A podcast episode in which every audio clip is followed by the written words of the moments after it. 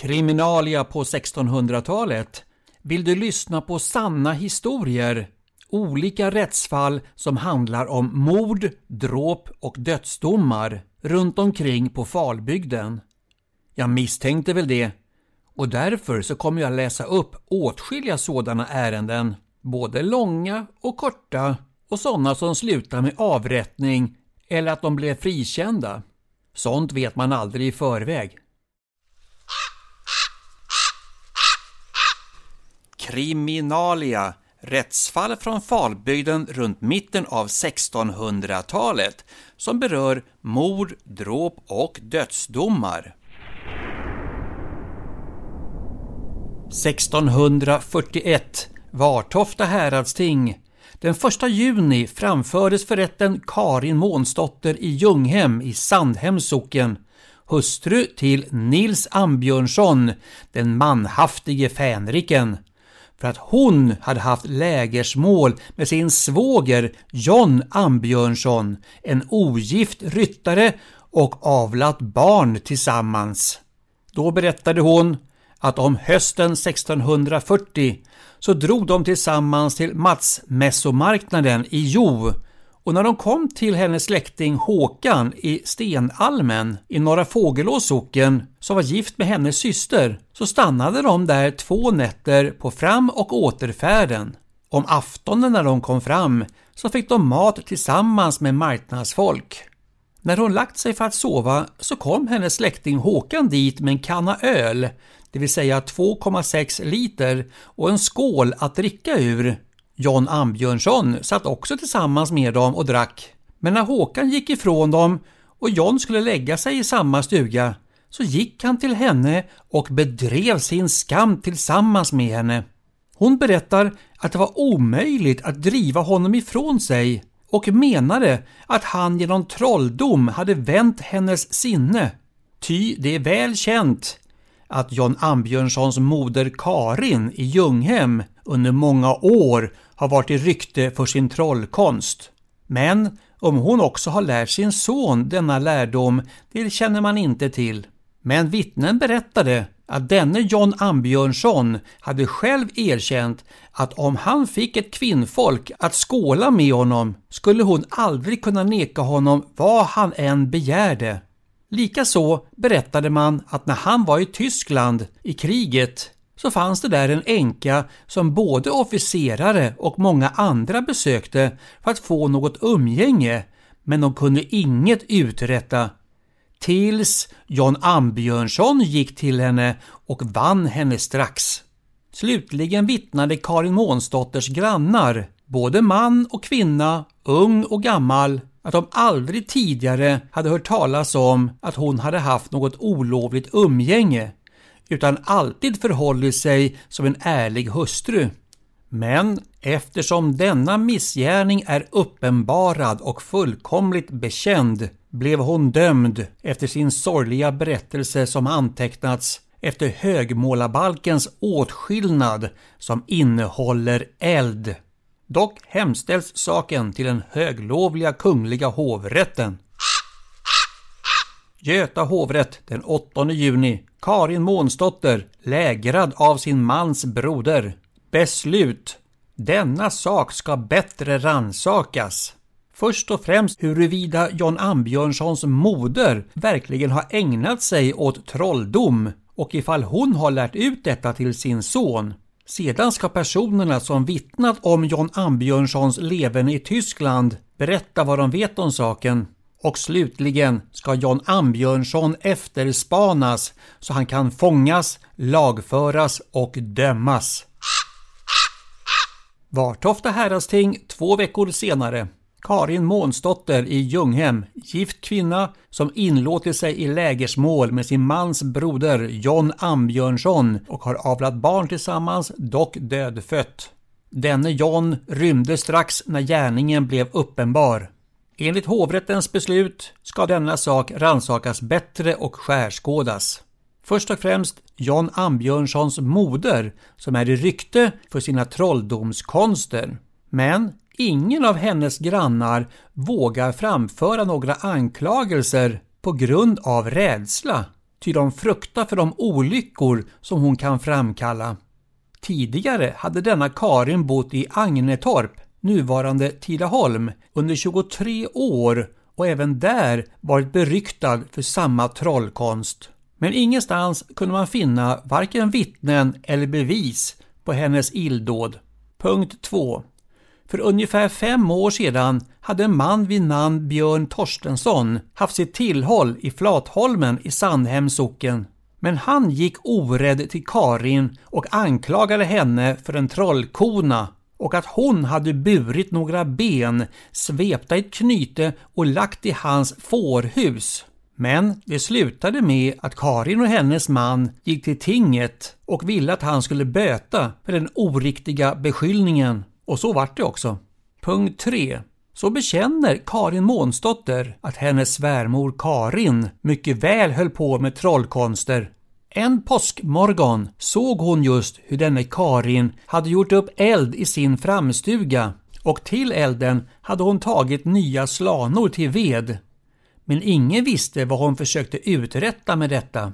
Men svärmodern Karin berättade då att hon hade fått olycka på sina får och annan kreatur och fann så en död katt i sin lilla sängstuga som var nedgrävd med alla fyra fötterna vända uppåt. Men den grävde hon fram och brände upp och därmed så vände olyckan med kreaturen. Fast några vittnen fanns inte. Punkt 4. Karin Månsdotter anklagar sin svärmor Karin att hon har för sed att göra eld på fähusgolvet. Men varför var det ingen som visste. Men då svarade hon att en gång var hennes ko sjuk av kalvning och att det skulle vaka över henne och då hade hon gjort upp eld där inne.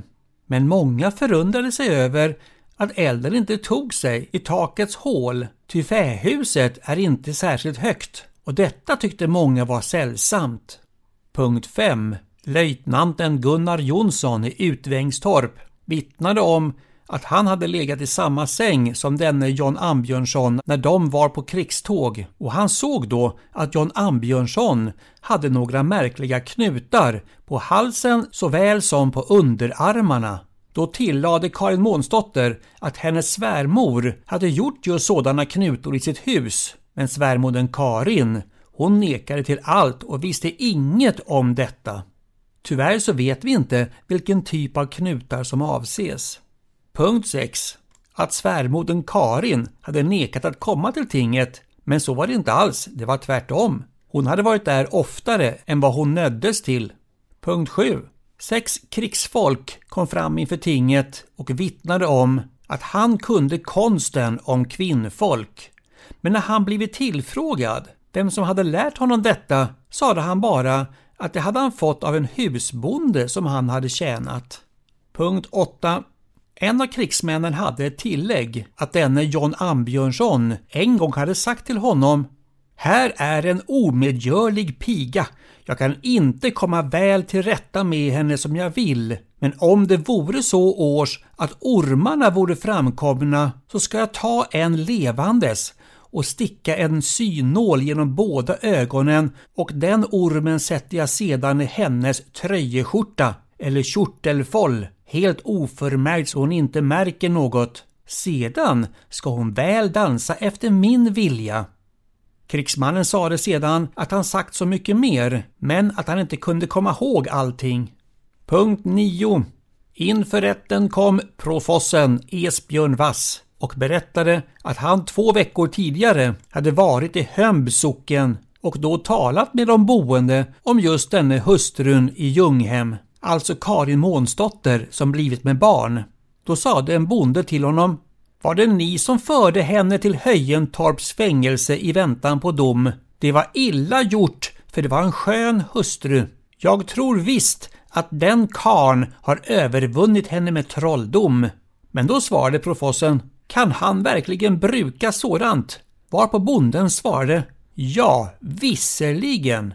Han var här i gästabuden i Övertorp hos ryttaren och korpralen Håkan Lång och där hade följande utspelat sig. En av gästerna det var korpralen Abrahams ogifta dotter och där på festen när de blev uppspelta så drack John Ambjörnsson en skål tillsammans med pigan.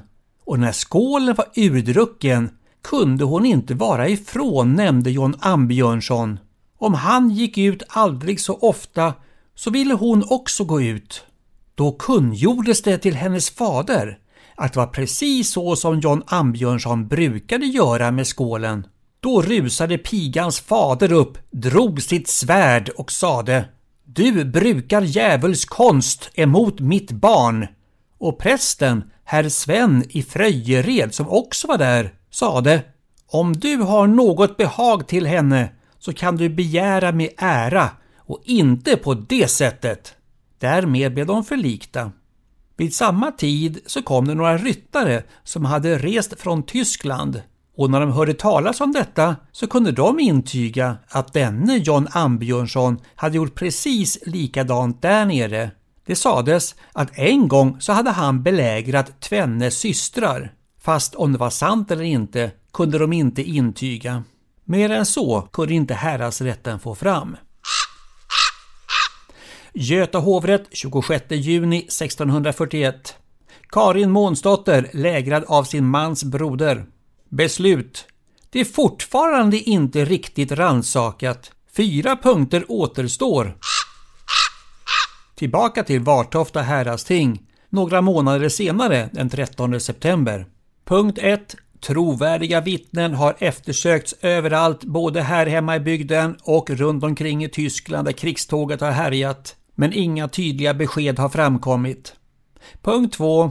Angående alla rykten kan det bara kompletteras med berättelsen från ytterligare några ryttare som sade Ja, så är det den karn, då får han göra vad han vill. Vad han än söker efter så går det bra.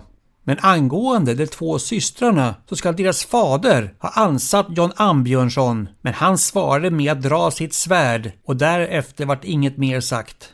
Punkt 3. Det ska tydligen ytterligare undersökas huruvida John Ambjörnssons moder Karin verkligen har gjort någon trollkonster. Återigen tillfrågades alla hennes grannar, men ingen ville svara. Punkt 4. John Ambjörnsson ska efterlysas men fortfarande vet ingen var han befinner sig.